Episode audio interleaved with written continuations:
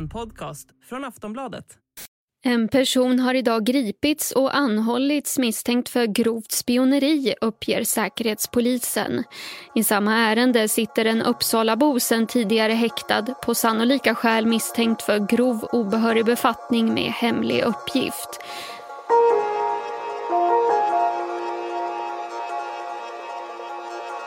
När de första indikationerna kom på att något var fel inleddes spaning i det tysta, som i sin tur pågick under flera år innan Säpo slog till. Den högt uppsatte chefen inom en myndighet visade sig ha hanterat ovanligt mycket kontanter. Och i hans dator hittades samtidigt spår efter hemliga dokument från hans tidigare jobb på Försvarsmakten och Säkerhetspolisen. När hans yngre bror också greps stärktes misstankarna att de båda spionerat för Ryssland under tio år och fått betalt i dollar och i guld som gömts på hemliga platser. Det här är Spionbröderna, ett avsnitt av podden Aftonbladet Krim. Jag heter Anders Johansson.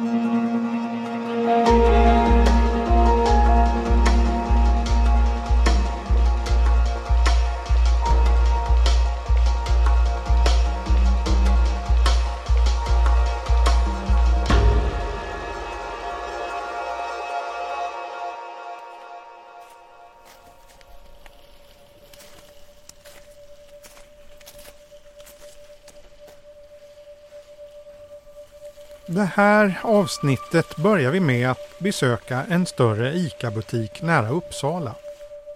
Det är förmiddag, onsdag den 23 november.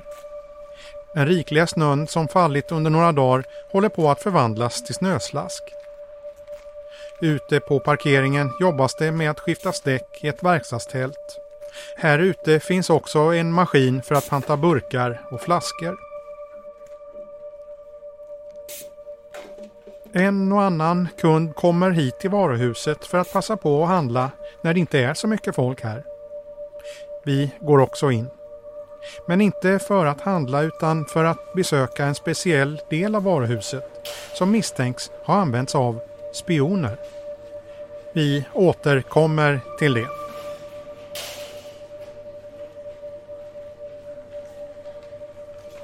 Butiken har generösa öppettider från tidig morgon till sen kväll. Just när vi är här är det glest med människor. Någon enstaka tar en vagn och går in. Ett par stycken sitter och fikar i varuhusets lilla café. Ytterligare någon pratar lite med personalen i förbutiken. Vi går förbi apoteket som också ligger här. Det verkar vara tomt på kunder. Det är det också när vi närmar oss det som vi är här för att besöka. Det som ska finnas inne på en av toaletterna. Vi går in och stänger dörren.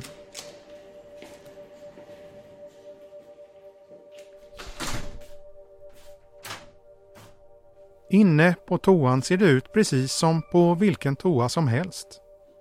Det som är det speciella här är en skiva som sitter fastskruvad i väggen.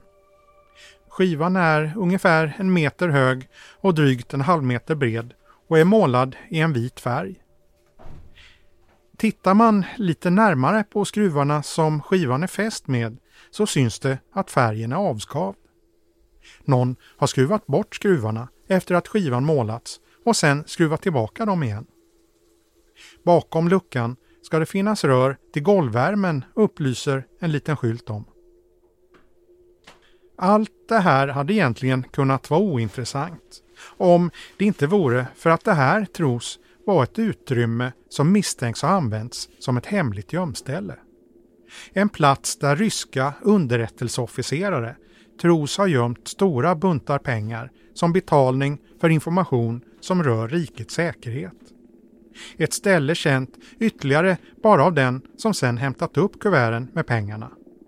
Ett ställe dit precis vem som helst kan ta sig utan att väcka det minsta uppseende. En så kallad död brevlåda.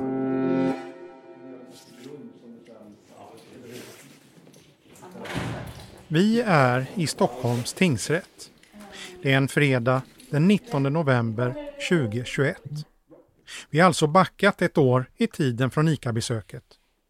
Klockan är strax efter tio och vi ska upp till våning två, där den gamla säkerhetssalen ligger. I korridoren utanför väntar ett litet pressuppbåd. Alla är här för att bevaka samma mål. Ett mål som nyligen tagit en stor vändning. Ni som har lyssnat på den här podden tidigare har hört oss besöka många rättssalar. Vanligtvis för att bevaka olika huvudförhandlingar i mål, det som i vardagstal brukar kallas för rättegången. Det är alltså något som sker när polisens utredning är klar och den misstänktes skuld ska prövas. Men den här gången är vi istället i rätten för att besöka en häktningsförhandling. Det är något annat. Det är då domstol prövar om en misstänkt person ska sitta i häkte under utredningens gång. Efter några minuters väntan släpps vi in i salen.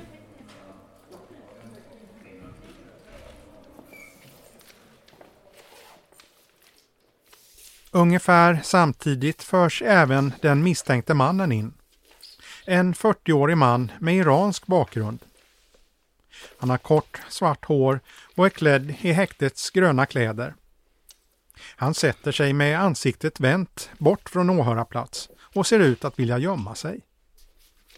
Efter ett tag börjar domaren prata. Välkomna till Stockholms tingsrätt. Uh, idag ska vi hålla häktningsförhandling i det påropade målet och jag noterar att vi har Peyman Kia, det är du? Bestämt. Bredvid dig sitter Anton Strand, advokat, din offentliga försvarare. Ja. Och på andra sidan så har vi chefsåklagare Per Lindqvist. Bra. Det är inte första gången som den misstänkte mannen sitter i en sån här förhandling. Han har suttit i häkte i snart två månader. Misstänkt för grov obehörig befattning med hemlig uppgift. Men nu gäller brottsmisstanken ett nytt brott. Ett grövre brott. Åklagare Per Lindqvist. Tack. Eh, då yrkas att eh, tingsrätten häktar eh, Peyman Kia i första hand på sannolika skäl misstänkt för grovt spioneri under tiden 1 mars 2011 till och med den 20 september 2021 i bland annat Stockholm. Efter några minuters yrkanden stänger rätten dörrarna. Sen pågår den hemliga förhandlingen i en dryg halvtimme innan vi får komma in igen. Domaren meddelar rättens beslut. Så, då avkunnar domstolen följande beslut. Um, Peyman Kia ska fortsatt vara häktad. Åklagaren har fortfarande tillstånd att meddela restriktioner. Restriktionerna får avse inskränkningar i rätten att placeras tillsammans med andra. 40-årige Peyman Kia häktas misstänkt för grovt spioneri. Ett brott ingen dömts för i Sverige sedan 2003. 19 år sedan. Men även om vi alltså har att göra med ett mycket allvarligt och mycket ovanligt brott ska det inte ta mer än några timmar innan ännu en person ska ta plats i samma sal misstänkt för samma brott. Vid klockan två på eftermiddagen samma fredag är det dags igen. På skärmen utanför sal 37 står samma brottsmisstanke, samma målnummer och samma efternamn som under förmiddagen. Men ett annat förnamn. När vi kommer in i salen för häktespersonalen in en person klädd i randig tröja och jeans. Han ser något yngre ut än personen som satt i samma stol för några timmar sedan. Storebror och lillebror. Även han vänder bort ansiktet och sätter sig med nacken mot åhörarna. Blicken stadigt fäst på domaren. Så, välkomna hit till Stockholms tingsrätt. Vi ska hålla häktningsförhandling i det påropade målet. Och då noterar jag först att vi har PM Kia. PM Kia, yes. Ja, det är du. Och bredvid dig sitter din offentliga försvarare, advokaten Björn Sandin. Och på andra sidan har vi chefsåklagare Per Lindqvist. Ja. Det finns inga hinder mot att hålla dagens förhandling som jag ser det. Efter lite formalia kommer Per Lindqvist till saken. Jag har sagt och yrkas att eh, tingsrätten häktar Per Kia på sannolika skäl misstänkt för grovt spioneri under tiden den 1 mars 2011 till den 20 eh, september 2021 eh, i bland annat Stockholm.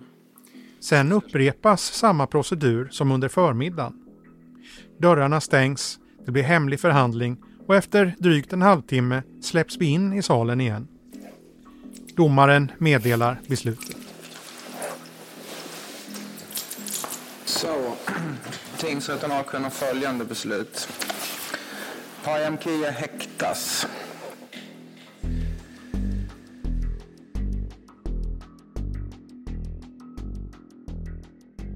Det här avsnittet ska handla om hur en person anställd inom de känsligaste delarna av både Försvarsmakten och Säkerhetspolisen plötsligt själv hamnade på de åtalades bänk. Och hur även hans yngre bror drogs in i den misstänkta olagliga verksamheten. Det ska också handla om hur främmande makt arbetar i Sverige och hur underrättelseofficerare gör för att värva spioner. Exakt när den här historien börjar är svårt att säga eftersom mycket fortfarande är hemligt. Vad vi vet är att någon gång mellan 2011 och 2017 så börjar den svenska säkerhetstjänsten misstänka att någonting inte stämmer. Vad som väcker deras misstankar är oklart men 2017 har utredningen börjat ta form. Då har man länge förstått att det är någon som infiltrerar myndigheterna och att det är någon som, som läcker uppgifter från myndigheterna. Men vem det är, det vet man inte. Det här är Josefin Karlsson. Hon är reporter på Aftonbladet och har följt fallet med spionbröderna. 2017 har alltså Säpo under ett längre tag misstänkt att någon läcker uppgifter från myndigheterna utan att veta vem det är. Det är då de riktar in utredningen mot en person. Peyman Kia. Från Iran, uppvuxen i Sverige och kom hit när han var väldigt liten. Pluggade på universitet i Uppsala och det är också där han har bott. Började tidigt att jobba med myndigheter. Tullverket var den första. Sen gick han vidare till Försvarsmakten, Säpo. Han har också jobbat inom MUST, den militära underrättelsetjänsten i Sverige. Och det finns också uppgifter att han har jobbat på KSI. Det är alltså kontoret för särskild inhämtning. Och det är alltså en av de, eller den kanske mest hemliga avdelningen som finns inom svensk underrättelsetjänst. Det är alltså den här personen som hamnar på Säpos radar 2017. Men det saknas konkreta bevis. Och det är då man också börjar telefonavlyssna honom, eh, vad han pratar med andra personer om. Man upptäcker att det pratas mycket om kontanthantering, att saker och ting ska betalas kontant. Han eh, använder också personer i sin närhet för att få hjälp att växla pengar bland annat. Och det här upptäcker polisen då genom att man i hemlighet smyglyssnar på honom och hans liv och följer honom. I hemlighet bryter sig även Säpo in i Peyman Kias bankfack. Fotograferar, dokumenterar, lägger tillbaka allt prydligt och fint och går ut igen. Allt för att han inte ska veta att de är han hack i hälarna. Man har också varit inne på hans kontor, kolla kassaskåp under nätter för att bara söka, söka bevis. Samtidigt som utredningen pågår fortsätter Peyman Kias karriär inom myndighetssverige. Efter tiden på Säpo och Must har han gått vidare till Livsmedelsverket. Vad han inte känner till är att han under den här perioden inte bara har Säpos ögon på sig utan även sin egen chefs. Där är han säkerhetschef och Livsmedelsverket är ju också en myndighet så han är ju kvar på det spåret och jobbar med säkerhet där. Hans chef är generaldirektör och Säpo är ju Payman på spåren och hack i häl. Så Säpo kontaktar Paymans chef som är generaldirektör. Hon är alltså högsta hundset på den här myndigheten. De tar kontakt med henne och vill ha hennes hjälp att kunna samla bevis och i ett senare skede kunna gripa Peyman. Så hon gör det. Eh, hon hjälper polisen och håller det här då hemligt för Peyman samtidigt som hon hjälper polisen för att kunna samla bevis emot honom. Hösten 2021 anser utredningsledaren att de har tillräckligt mycket att gå på. Den 20 september slår de till. Och efter fyra år då så har åklagarna äntligen tillräckligt på fötterna för att göra det de vill, alltså gripa honom, det man då har väntat på. Och det ska då ha varit en gryningsräd, att polisen slår till utan att Peyman då vet om det här tidigt, tidigt på morgonen. Och han anhålls senare på morgonen, jag tror att det var klockan sju, så själva gripandet har ju varit några timmar tidigare än det.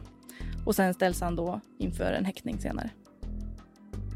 När Peyman Kia grips är han misstänkt för grov obehörig befattning med hemlig uppgift.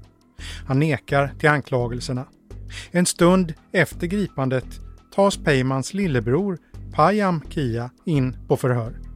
Han är inte misstänkt på något sätt vid den tidpunkten vad han vet om utan han tas in som på förhör för att han är anhörig till den här misstänkte.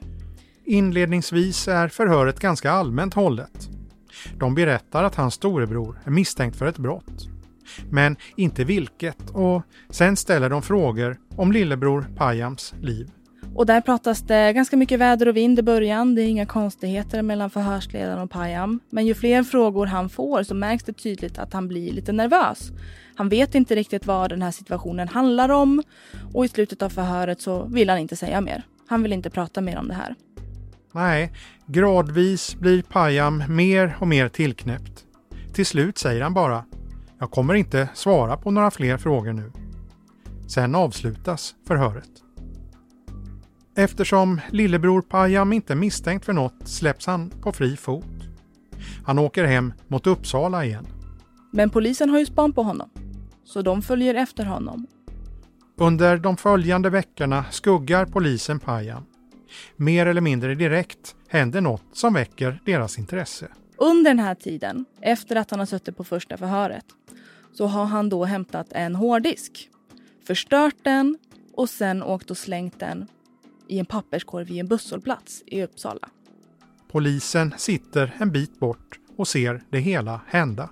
Så när Payam har stuckit därifrån går polisen bara fram och plockar upp den där hårddisken och raka vägen in på undersökningen för att se vad det var på den.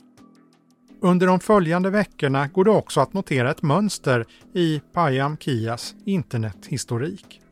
Bland annat så googlar han “Kan man åtalas innan förhör? Försvinna i Sverige? Hålla sig undan lagen?” Och det här har han ju, det är ju bland det första som en förundersökning kan titta på, vad man har för internethistorik. Så det är ju ett tecken på att han blev märkbart stressad av den här situationen. Efter två månader känner polis och åklagare att de har tillräckligt att gå på. Även lillebror Payam Kia grips och kort senare häktas båda bröderna på nytt. Då med en ny rubricering. Grovt spioneri. Själva misstanken då förenklat är att de här två tillsammans ska ha sålt svenska försvarshemligheter till Ryssland och i utbyte fått dollar och guld.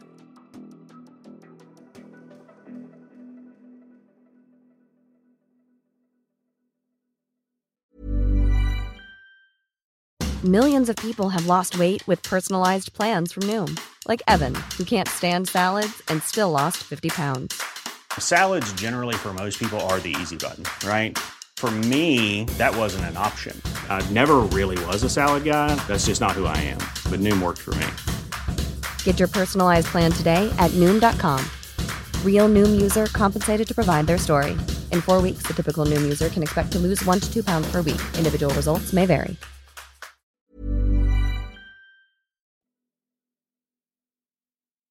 Grovt spioneri.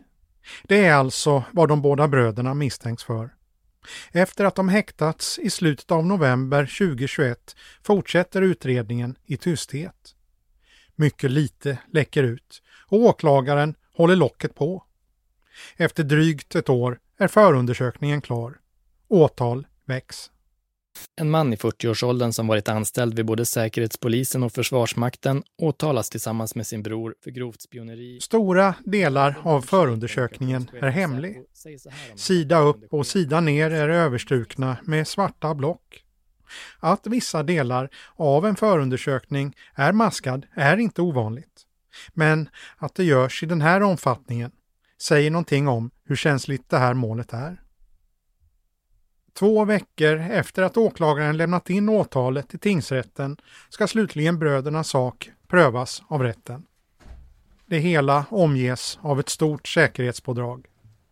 Salen som förhandlingen ska hållas i ska ha sökts igenom centimeter för centimeter för att upptäcka eventuella gömda mikrofoner.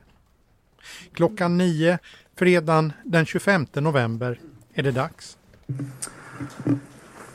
Då så, då ser det ut som att alla har kommit i ordning. Eh, då ska vi hålla huvudförhandling i målet mellan åklagaren och Payam Kia och Peyman Kia. Måns Wigén heter jag, rättens ordförande. På min vänstra sida sitter rättens protokollförare, tingsfiskalen Erik Tillén. Och övriga personer framme är nämndemän. Eh, då har vi Payam Kia här. Och advokat Björn Sandin. Och så har vi Peyman Kia här med advokat Anton Strand. Utmärkt. Sen har vi från åklagare, chefsåklagare Per Lindqvist och kammaråklagare Mats Ljungqvist. Vi är tillbaka i sal 37. Samma sal som bröderna satt i för ett år sedan när de blev häktade för brotten. Det här är första gången de ser varandra sedan dess. De har suttit i olika häkten och har inte fått ha någon kontakt. Storebror Peyman är klädd i kostym, lillebror Payam i häktets gröna kläder. Den yngre av dem verkar vara obekväm med situationen.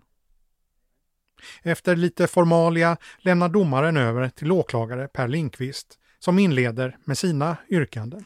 Eh, och under åtalspunkten 1 yrkas ansvar för grovt spioneri på Payam Kia och Peyman Kia och i andra hand grov obehörig befattning med hemlig uppgift på Peyman Kia.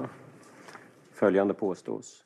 Åklagaren går sedan steg för steg igenom vad han menar att de två bröderna gjort sig skyldiga till.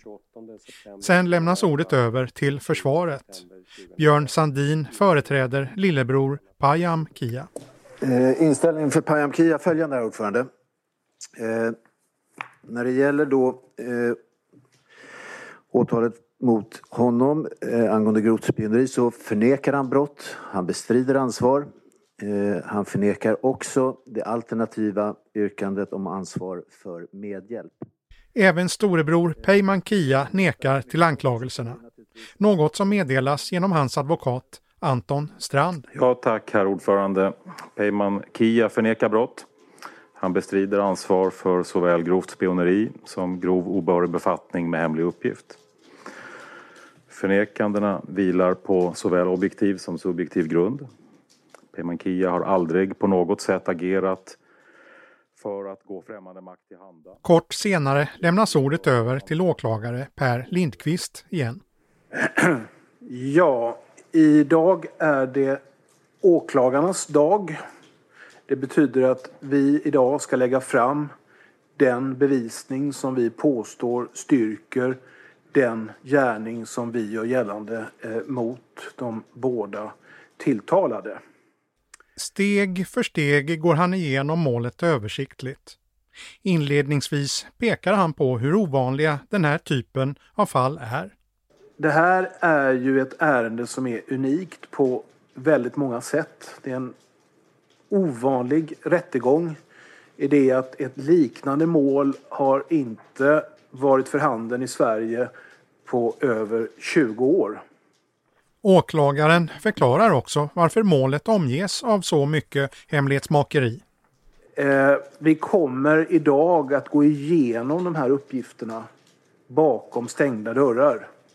Och det betyder att eh, rätten och dess ledamöter kommer idag att få en insyn i material som eh, väldigt, väldigt få personer i det här landet har sett eller har tillgång till.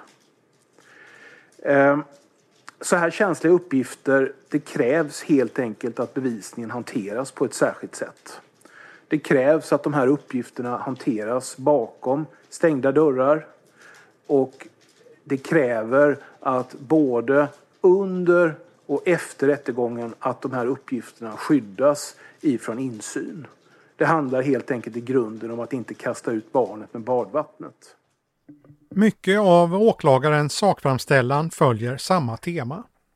Han berättar att flera vittnen har kvalificerad skyddsidentitet och att de jobbar inom mycket känsliga delar av den svenska staten. Vidare försöker åklagaren beskriva översiktligt hur spioneriet mot Sverige ser ut idag. Eh, när det gäller eh, kontraspionage så handlar det ju om att bedriva en verksamhet som riktas emot det spionage som hela tiden riktas emot Sverige. Eh, att spioner verkar mot Sverige, det ser de personer eh, som arbetar inom kontraspionaget varje dag. Eh, det är en verksamhet som då måste hanteras och det är då det svenska kontraspionaget som bedriver den verksamheten. Eh, när det gäller det inrikes spionaget så är det då den svenska säkerhetspolisen som hanterar de olika frågorna.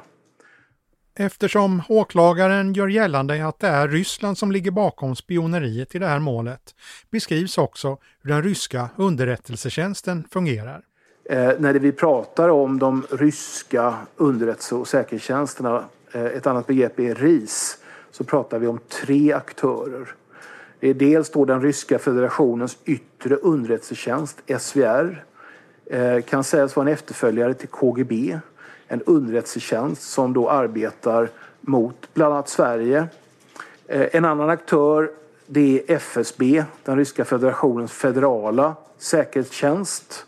Eh, och eh, ja, fungerar som en, som en inre säkerhetstjänst men som också då agerar utomlands i Sverige. Och sen har vi då GRU, den militära underrättelsetjänsten eh, som eh, arbetar i Sverige framförallt för att ta reda på olika eh, uppgifter, eh, inte bara men mest kring militära förhållanden. Åklagaren beskriver också varför stater fortfarande använder sig av spioner. När det gäller underrättelseinhämtning från främmande makt så finns det idag eh, tekniska möjligheter till inhämtning. Typiskt sett radar, flygplan, dold teknisk inhämtning, till exempel satelliter, avlyssningar av kablar, signalspaning. Men man ska vara klar över att det här ger en ganska trubbig bild av sakernas förhållande. Och det betyder att fortfarande, och så har det alltid varit, så är personbaserad inhämtning eh, absolut viktigast. Det är också den verksamhet som framförallt då underrättelsetjänsterna lägger ner mycket, mycket arbete på. Sen följer några kortare passager som beskriver juridiken kring säkerhetsmål och spionmål. Efter knappt en timme är den öppna delen av rättegången klar. Vi har bara hunnit skrapa lite på ytan i målet innan domaren stänger dörrarna för allmänheten. Då förordnar tingsrätten om stängda dörrar nu fortsättningsvis med stöd av 5.1 rättegångsbalken och 15.2 eh, offentlighet och sekretesslagen.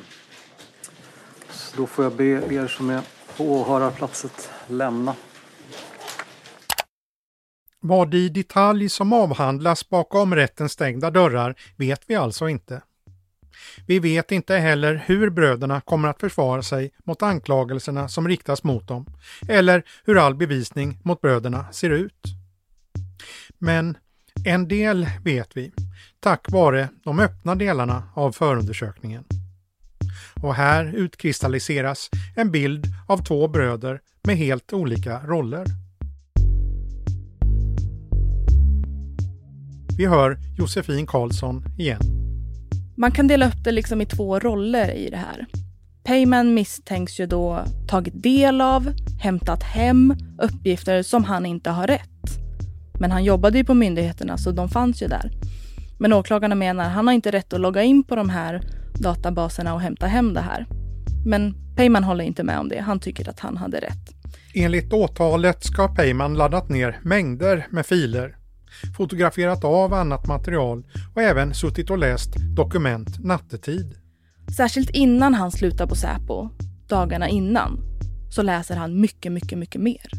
Och det här har ju åklagarna då lagt fram och, och ifrågasatt vad det finns för syfte att göra det. Det har han inte riktigt kunnat förklara. Även om vi inte vet exakt vad för material Peyman Kia tros ha kommit över finns det uppgifter i förundersökningen som pekar på att minst ett mycket känsligt dokument kan ha lämnats ut. Men han ska ha kommit över personallistan på Säpo. Och det är ju högst anmärkningsvärt att en sån lista med de uppgifterna då läcks, sannolikt då till främmande makt. Lillebror Payam tros ha haft en annan roll i det misstänkta spioneriet. Lillebrodern Payam då ska ha haft kontakt med Ryssland, GRU som är den ryska underrättelsetjänsten, och att han ska ha arrangerat och levererat materialet. Utbytet av material låter som någonting hämtat ur en gammaldags agentroman. Enligt åtalet ska ju då det här ha skett genom ett utbyte. Att man har använt sig av så kallade döda brevlådor. Och det betyder att man använder en plats, en person kommer och lämnar en sak, går därifrån. En annan kommer och hämtar den saken. Och i det här fallet då så misstänker man att det handlar om kontanter. Och bland annat så har man använt offentliga toaletter i Uppsala. Och det finns bilder på det här i förundersökningen och man misstänker att där har man då tejpat fast kontanter för att sen någon annan ska komma och hämta dem. Åklagarens bevis mot bröderna bygger på flera olika delar. Det handlar bland annat om anteckningar som hittats i lillebror Payams mobil. Bland annat har han då skrivit om ett möte med en person som då kallas för Raski. Mycket mer om den här Raski framgår inte, men också att han ska ha skrivit om GRU och i samband med det också summor som då tros vara kontanter. När polisen griper Payam hittar de också ett specifikt föremål som väcker deras intresse. Det är att Payam hade en, någonting som såg ut som en bilnyckel. Men det var en spionkamera. Det är en liten manick som ser ut som ungefär en bilnyckel. Men tittar man riktigt nära så ser den lite annorlunda ut. Och det är alltså en kamera som man då kan filma väldigt diskret med. Och det finns också bilder i den här förundersökningen från den här kameran då Payam har gått runt i Uppsala, bland annat vid ett varuhus och tagit bilder. Men det här är bilder som man tror bara är testbilder och inget som ska ha något särskilt syfte. När det gäller bevisningen mot storebror Peyman så har polisen avlyssnat hans telefonsamtal och noterat att han ofta pratar om att hantera pengar kontant. Det finns också meddelanden där man också har diskuterat olika transaktioner som åklagaren anser som en del av den här utredningen. Men framförallt så finns det ju digitala spår. Och här så pratar polisen om spår av filer. Ja, Grundbulten i bevisningen mot bröderna handlar om de hemligstämplade filer som man tror storebror Peyman smugglat ut från Säpo och Försvarsmakten. Mycket i målet kretsar kring en specifik dator, en Lenovo-dator. Och den här datorn är också producerad 2017. Det kan man se på den. Peyman köpte den 2017 och där hittade man då spår av de här hemliga dokumenten från Säpo bland annat. Men Payman slutade på Säpo några år tidigare innan han köpte datorn, innan datorn ens var producerad. Och det här har förhörsledarna lagt fram och ifrågasatt. Hur kan det här gå till? Hur kan du ha haft de här dokumenten här efter att du slutade? Den frågan har inte fått något svar. Årtalen 2008 och 2017 återkommer när utredarna tittar på datorns datuminställning.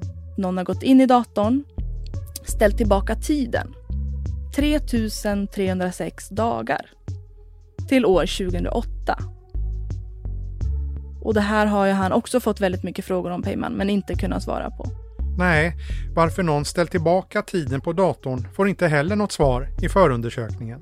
En annan spännande sak med den här datorn är också att man ser att någon har gått in och installerat avancerade krypteringsprogram som gör att det är svårare att radera eller återskapa redan raderade saker på den här datorn. Vilket kan te sig som att kanske inte en vanlig Svensson gör så. Som vi redan nämnt nekar bröderna konsekvent till anklagelserna som riktas mot dem. Båda nekar ju till det här totalt och har gjort det ända från början. Peyman säger att han anser att han hade behörighet för att ta del av de här dokumenten och att det då inte ska, ska vara några konstigheter. Payam nekar också och han menar att allt är ett totalt missförstånd. Mycket bevisning mot honom är ju efter spaningsåtgärderna. Han har förstört den här hårddisken. Och han säger att det fanns privata saker på den som han inte ville skulle läcka ut om polisen skulle kolla igenom hans hem. Det tyckte han skulle vara pinsamt. Polisen tror ju inte riktigt på den förklaringen. Trots att bröderna nekar helt till alla anklagelser syns ändå en förändring under utredningens gång. En förändring som framförallt gäller storebror Peymans uppträdande i förhören. Man kan säga att han, han går igenom en resa under de här förhören. I första förhöret är han väldigt kritisk till utredningen och nästan arg.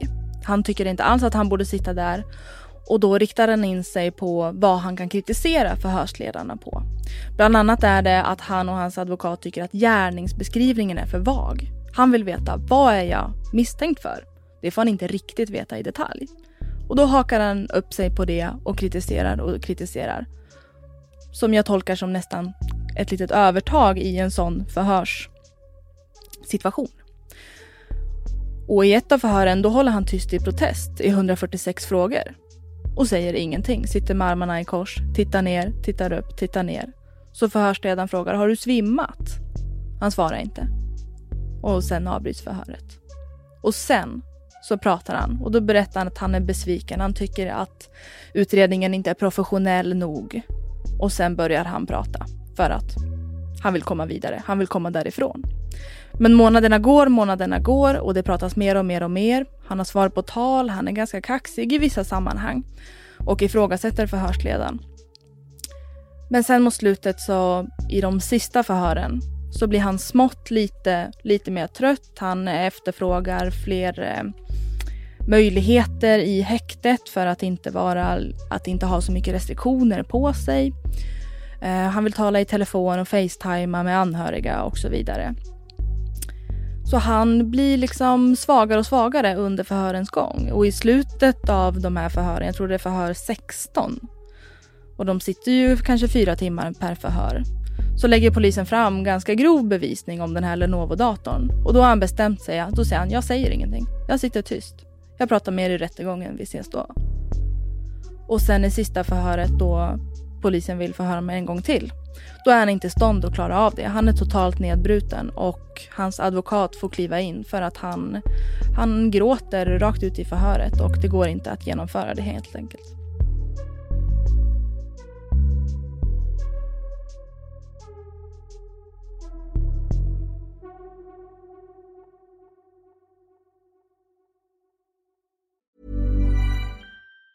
Life is made up of many gorgeous moments. Cherish them all, big and small, with Blue Nile. Whether it's for yourself or a loved one, Blue Nile's unrivaled selection of expertly crafted fine jewelry and statement pieces help make all your moments sparkle. Blue Nile's experts are on hand to guide you, and their diamond guarantee ensures you get the highest quality at the best price. Celebrate a life well lived in the most radiant way and save up to 30% at BlueNile.com. That's BlueNile.com.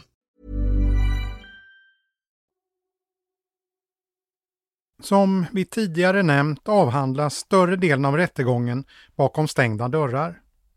Men en del av försvarets presentation är offentlig. Där bemöter de båda försvararna åklagarens påståenden. Båda bröderna fortsätter neka. De säger att det inte skett några överlämningar på något ICA, att de inte lämnat över några uppgifter till ryska underrättelsetjänsten och inte tagit emot några pengar. Yngre brodern Payams anteckning om GRU påstås handla om en bil med ett sådant registreringsnummer. Mycket mer än så hinner inte sägas innan dörrarna stängs igen. När det här spelas in är alltså rättegången inte klar. Det hela kommer att avhandlas under sammanlagt tio dagar och avslutas i mitten av december. Domen meddelas sen några veckor senare och kommer sannolikt också vara hemlig i stora delar. Men oavsett hur det slutar i just det här fallet har det varnats länge för att främmande makt bedriver säkerhetshotande verksamhet mot Sverige. Sedan flera år pekas Ryssland, Kina och Iran ut som de mest aktiva länderna. Hur jobbar de? Och vad är de ute efter rent konkret? Hej, det är jag som Anders. Ja, jag vet. Jag har precis googlat dig. Välkommen. Ja, ja tackar. Ja, jag undrar om jag hade kommit rätt.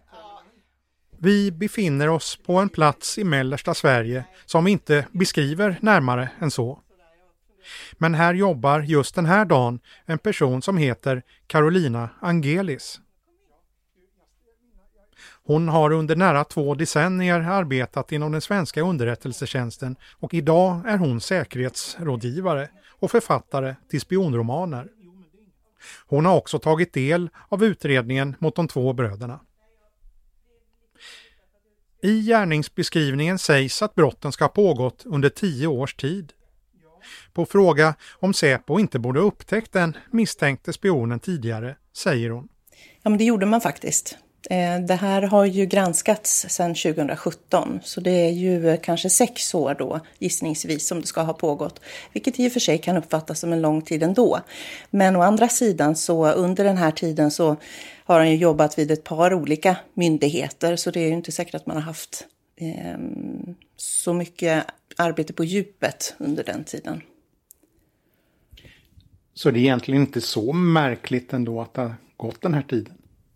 Jag tycker inte att det är märkligt. Det tar tid att upptäcka sådana här saker om inte en individ begår allvarliga misstag väldigt tidigt i, i sitt agerande. Den äldre brodern som jobbat inom både Must och Säpo tycks alltså agerat relativt försiktigt. I alla fall till en början. Om anklagelserna stämmer är bröderna spioner och i så fall har de sannolikt rekryterats av Ryssland med en speciell metod som används över hela världen. Ja, det här är ju en, vad ska man säga, en universell metod. Eh, och eh, det spelar egentligen inte så stor roll vilken nation som ligger bakom det här arbetet. Det sker på ett visst sätt i ett antal steg. Man brukar prata om Eh, värvningsprocessen eller rekryteringsprocessen som består av sex olika steg. Och det handlar ju egentligen om att först så finns det ett behov av information eh, i ett land och från en, en regering till exempel. Och eh, då får underrättelsetjänsten i uppdrag att inhämta den här informationen eh, med olika metoder. Och pratar man då om personbaserad inhämtning som det här är, att man rekryterar någon på insidan eller placerar någon på insidan. Men om man rekryterar någon så eh, det första man behöver göra är ju att identifiera var finns den här informationen som man vill åt, vid vilket företag, myndighet, organisation. Eh, och därefter så identifierar man individer som har tillgång till informationen, en eller flera. Därefter påbörjas en kartläggning. Det handlar om resemönster, familjesituation, ekonomi, värderingar, sådana saker som vi lägger ut om oss själva på sociala medier till exempel. Allt som gör det enklare att lära känna personen man vill rekrytera. Nästa steg är att ta kontakt. Och den kontakttagningen den upplevs av den som blir kontaktad som väldigt slumpmässig och, och det var, bara, det var bara en slump att vi hamnade bredvid varandra på flyget eller träffades på den här internationella konferensen. Men i själva verket så är det väldigt noga planerat. Eh, och det ska kännas som sagt slumpmässigt och angenämt, åtminstone ofarligt. Eh, därefter påbörjas någonting som kallas kultivering, det vill säga man lär känna personen bättre, man bygger förtroende och man börjar med små uppdrag som är harmlösa och, och um, handlar om ohemlig information om man säger så. Um, och i gengäld så får den här personen då någonting tillbaka. Den gåva eller mindre summa pengar. Det handlar om att man ska vänja sig vid att lämna ut någonting och få någonting tillbaks. Och det här eskalerar sen då till att så småningom röra riktigt känslig information. Och om individen lämnar ut någonting som är hemligt, till exempel från sin arbetsplats då, så kan man anse att personen är värvad. Du säger man kartlägger de här potentiella spionerna. Vad är det som är de svaga punkterna de söker efter? Ja, om man bara backar lite där. Kartläggningen eh, handlar ju om två delar kan man säga. Det ena är ju att förstå sig på individen. Så att om man närmar sig en person så vill man ju att, att man ska kunna spegla honom eller henne. Så att man kan låtsas åtminstone ha samma värderingar eller dela samma intressen. Eftersom det ökar chanserna till att man ska bygga det här, den här relationen. Så det är den ena delen i kartläggningen. Och det andra handlar ju om att identifiera eventuella motiv eller sårbarheter som skulle kunna förmå den här personen att i slutändan begå den här typen av brott och lämna ut information. Eh, och när man pratar om eh, sårbarheter och motiv så de vanligaste som, som eh, vi ser det är ju pengar, så ekonomi, eh, missnöje, eh, men också dubbla lojaliteter. Dubbla lojaliteter är en sårbarhet som värvarna av spioner kan rikta in sig mot, säger underrättelseexperten Carolina Angelis. Hon förklarar innebörden. Nej, men dubbla lojaliteter, det handlar ju om att man kommer från ett annat land och man kanske fortfarande känner lojalitet till det landet. Man behöver egentligen inte komma från det landet heller, men man kanske eh, tycker att det är ett föregångsland. Det är någonting som man, eh, ett land som man tycker står för saker, samma saker som en själv. Det är vad dubbla lojaliteter handlar om. I takt med att det säkerhetspolitiska läget försämras med ett pågående krig som lett till att Sverige ska gå med i Nato och utöka försvaret kraftigt, talar experterna om vad de kallar ökat underrättelsehot. Och det är riktat mera mot samhället i stort.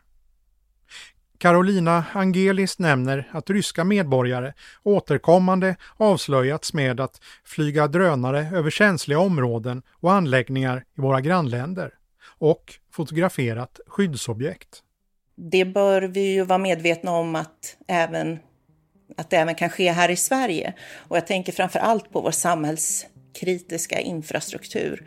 Eh, dricksvattenförsörjning, livsmedelsförsörjning, energiförsörjning och så vidare. Alla de här delarna som vi behöver ska fungera eh, är man ju såklart intresserad av att kartlägga från främmande makt för att om man vill då destabilisera ett samhälle så är det ju väl effektivt att störa ut en eller flera av de här funktionerna.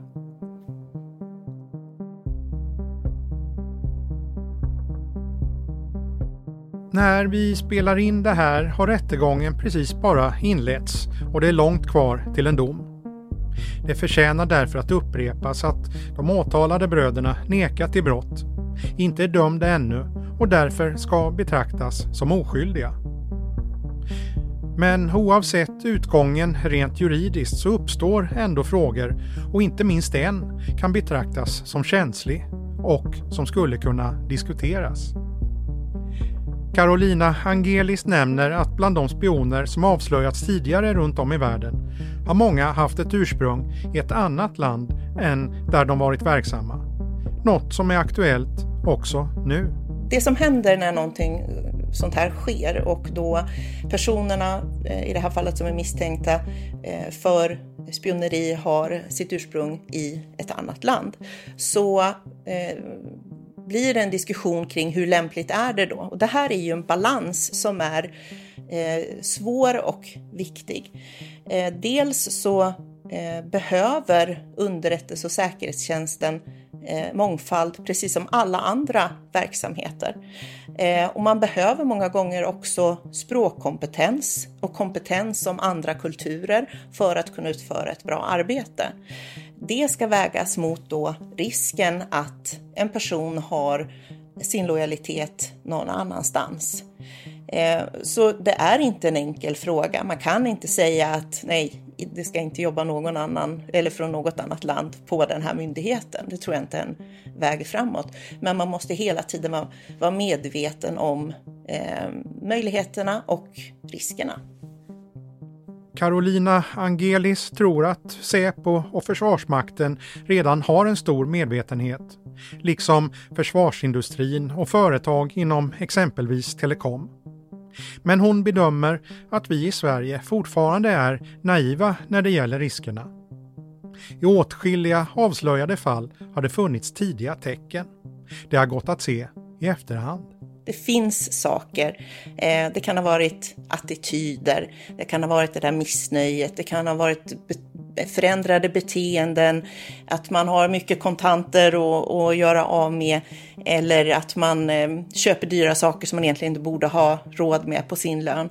Eh, det kan också vara att man kanske börjat arbeta tider när det inte är så många andra på jobbet därför man vill inte att någon ska upptäcka vad det är man håller på med.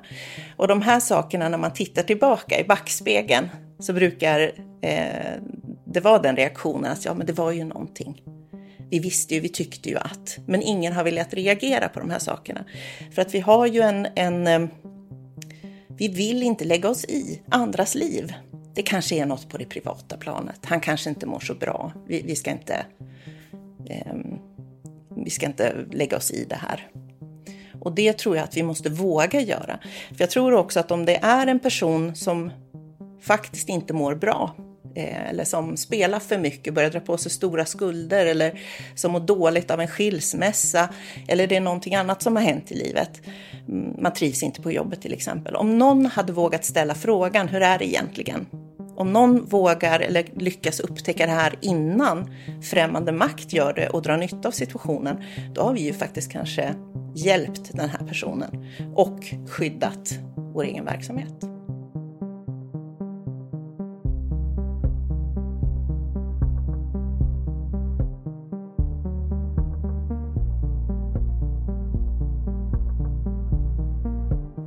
Har lyssnat på ett avsnitt av podden Aftonbladet Krim. Klippen i programmet kommer från Sveriges Radio. Producent var Marcus Ulfsand. Jag heter Anders Johansson.